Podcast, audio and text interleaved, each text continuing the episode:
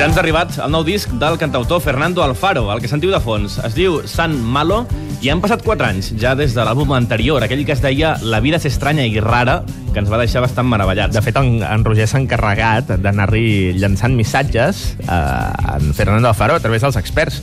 Va, Fernando, a veure si mm. t'ocorres, treu un disc. En teníem ganes aquí, mm -hmm. és veritat. I per fi ens arriba aquest nou disc de l'ex Chucho i Surfing Bichos. El tema és que des de llavors fins ara el va agafar per sorpresa la reunió de Chucho mm -hmm. i uh, aquest fet uh, ha acabat endarrerint l'aparició del nou disc, el que ara estem sentint. Hem pogut parlar amb el Fernando Alfaro i ens ha confessat que les cançons que fas a última hora són les que més il·lusió et fa gravar-les i incloure-les al disc. Això, doncs, fa que segurament aquest Sant Malo hagués estat diferent si la vida li hagués anat per una altra banda. El que sí que és igual eh, és un tema que li ronda bastant pel cap al Fernando. El pas de la vida. Si en el disc anterior se sorprenia ell mateix dient-se que ja no era tan jove, ara segueix reflexionant sobre el futur i el passat. Eh, no es que piense mucho, es que ocurre continuamente esto de que pasa en los días, ¿no? se pasan delante del espejo, que se diría, ¿no? Es una celebración del paso del tiempo, en realidad, lo que creo que hay en el disco. No es refocilarse en la nostalgia ni lamentarse del vas cumpliendo años y tal, sino casi, es casi lo contrario, es un poco celebración vital. El disco en sí, como dentro de esa vida que se celebra, está todo. El paso del tiempo, incluso la muerte. O sea que hay una canción, digamos, paradigmática que se llama precisamente Tempus Fugit en este disco que habla de cómo eh, antes tenías toda la vida por delante, ahora tienes toda por detrás, pero casi riéndose de esa historia. Directamente en el estribillo dice, voy a mirar adelante hacia el horizonte, o sea que no es celebración del futuro también como la vida que está por ocurrir, pero también el pasado es la vida que tienes. Ya te digo que yo soy alérgico a, recrearme en el pasado. No, creo que forma parte de uno y no tienes por qué renunciar a él, pero es como una especie de eh, espantar la, nostalgia excesiva. Espantar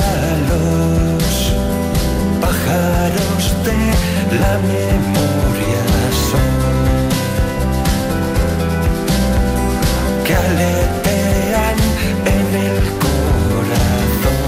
Abans hem deixat ja caure el primer tòpic, uh, l'havíem de... És que no me'n podia estar, allò de ex-Chucho i ex-Surfing Bichos, aquest és Fernando Alfaro. Doncs, Roger, permet-me, perquè tampoc puc evitar el tòpic d'equiparar-lo amb altres músics de la seva generació. El Chinarro, per exemple, que sembla que amb el pas del temps potser es tornen una mica menys tràgics, una mica menys foscos. Prova d'això és aquest Saint Malo, el nou disc de Fernando Alfaro. Menys tràgics i també més juganers, uh, perquè aquest Sant Malo és un veritable exercici de, de jugar amb les lletres, eh, amb les cançons. Un exercici de rimes, de salts de síl·labes, jocs de paraules.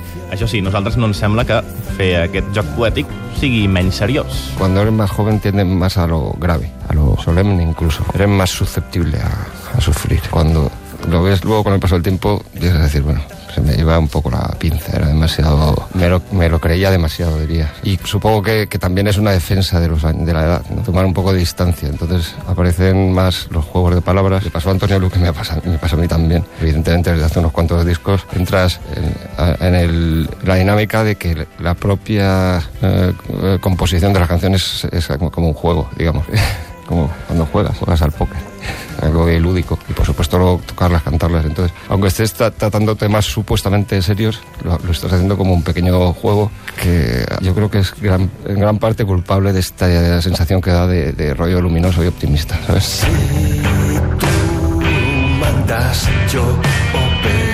Pensando, no lo había pensado hasta ahora, estoy pensando ahora, que en este tema en concreto, me hiere no me hiere, aparte del título, que también tiene un juego de palabras, un poco jue- jueguecillo, diría yo, también termina ten- siendo un juego porque, habla de uno le pide como algo, ayuda al otro y el otro responde que, no puede porque hay una tormenta, una tormenta muy fuerte y no, no puede, no. Pero él mira que, que en el telediario todos los hombres y mujeres del tiempo de los telediarios solo ponen sol en el mapa y no un juego. La vida es juego, ¿no? Que decía Calderón.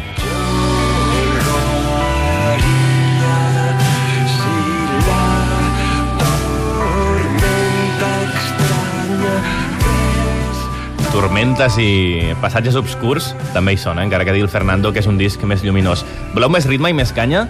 Perquè en aquest disc ha, eh? Fins i tot les lletres amargues aquí formen part de cançons enèrgiques. Sentim Arranco les vies.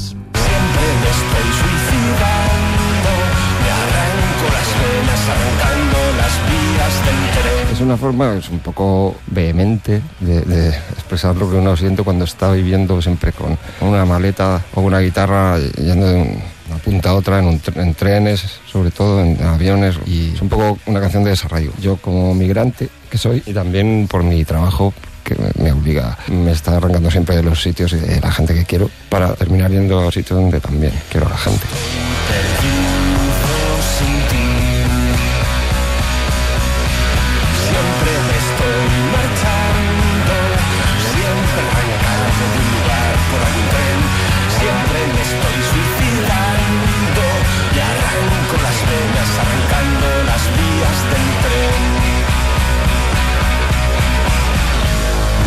Hi ha l'Alfaro més íntim, eh, més divertit, més juganer, també més amarg, però això no vol dir que lent, sinó també canyero, com és el cas d'aquesta cançó Arrancando las vías. En fi, Fernando Alfaro, aquest eh, senyor de l'indi d'Albacete, que ens explica la seva vida constant sobre vies, sobre furgonetes, en avions, també, doncs, eh, la seva vida d'immigrant, com ell mateix es defineix, on l'ha portat a viure? Doncs aquí mateix, a la ciutat de Barcelona. Fa més de 5 anys ja que en Fernando viu aquí, on només mm, eh, no, no, on no només s'ha impregnat a la nostra escena musical, sinó que ja opina obertament sobre l'actualitat política de casa nostra i, òbviament, casa seva. Decir que estoy muy contento. O sea, mm, creo que Barcelona se merece ser más vivible. Eh, Durante un tiempo, al principio estuvimos viviendo en el centro, era muy difícil vivir ahí, casi imposible. Era, mm, bueno, creo que, se puede encontrar un equilibrio entre la proyección internacional de, Barcelona, que es de primer nivel, hablo a nivel mundial, con la- lo que es invasión de la propia intimidad de la ciudad. Que además creo que pues, es pro- contraproducente porque se puede cargar hasta la, esencia y el atractivo de la ciudad. Como uno de los muchos temas que creo que se pueden solucionar a partir de ahora, como mínimo todo sea coherente y dialogado y que todo el mundo participe y no nadie quede olvidado y relegado. Para mí uno, uno de los grandes atractivos que tiene esta ciudad es precisamente que hay muchas Barcelonas en una y que siempre han, han tenido un diálogo muy enriquecedor, creo yo, y eso se estaba perdiendo un poco, se estaba bueno, polarizando. La emoción de la venganza. Y aparte yo como, como venía un poco como de Albacete, ahí como Paco Martínez Soria. Bueno, el que era de Albacete era Pepe Isbert, el, de, el actor del Verdugo. Y yo fui conociendo gente de, de todas clases. Empecé conociendo a Joe Crepúsculo, a David Rodríguez, a Sergio Pérez de Super. Luego, gracias al trabajo con, Raúl Refri, por, supuesto, y luego me dio paso a conocer a la batería que ha venido siendo de mi banda todo este tiempo, Xavi Molero, la gente de Stan Steel, todo esto. Y luego pues, a la gente de más la altura también la he ido conociendo, a los vas conociendo, te vas moviendo, pues no, sino haciendo amigos.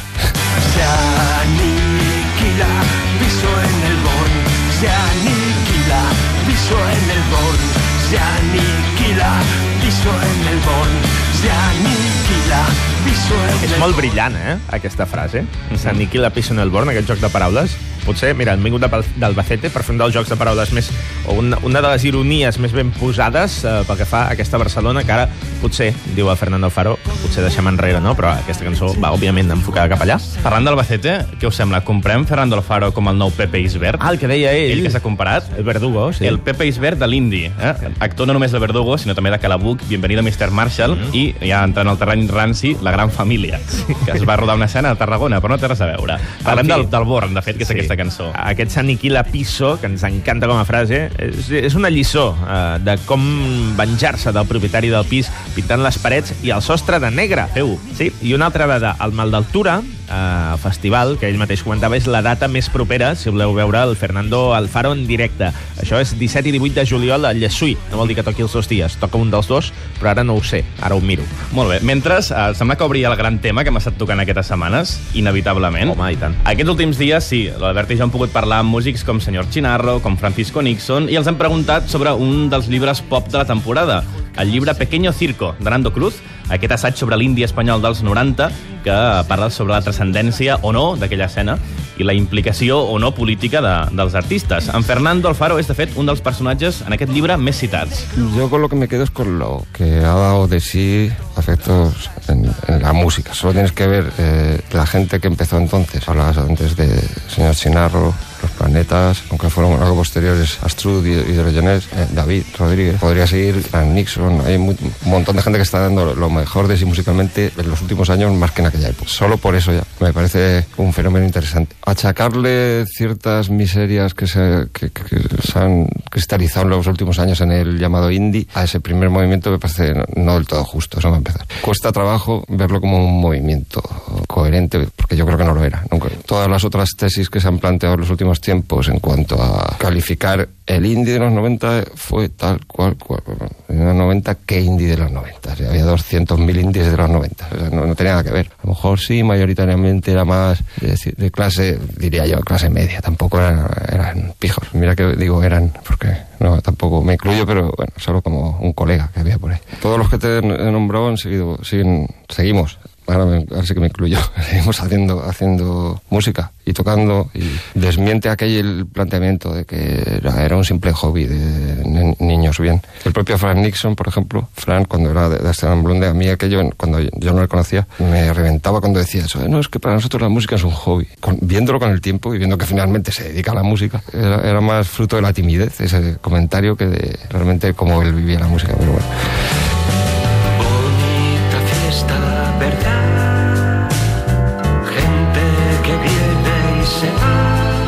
Va. Leyendo el libro, el libro de, de Nando, Pequeño Circo, se ve que ahí sí que había gente concienciada y activa políticamente también, dentro de este mundillo de lo que se viene, lo que se ha dado en llamar indie, que entonces no se llamaba así tampoco.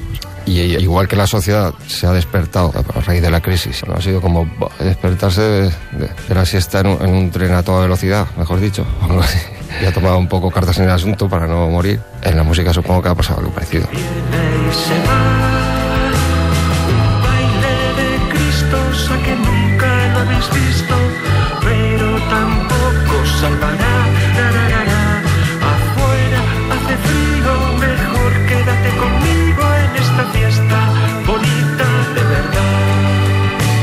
Maca, la festa. La festa de l'indi dels 90. Uh, no, fora bromes, nosaltres um, estem molt contents perquè estem aprenent moltes coses aquests dies amb Chinarro, Nixon, ara amb Alfaro, sobre doncs, tota aquesta desconnexió política a la que apunta el llibre de Víctor Lenore. El de Nando Cruz és una altra cosa, no volem barrejar les coses, però sí que és un tema que teníem ganes de comentar amb tots aquests personatges que venen amb la lliçó molt ben apresa perquè van ser els fundadors d'això que n'hi diem indi espanyol dels 90, que potser no era una escena, com ens deia el Fernando.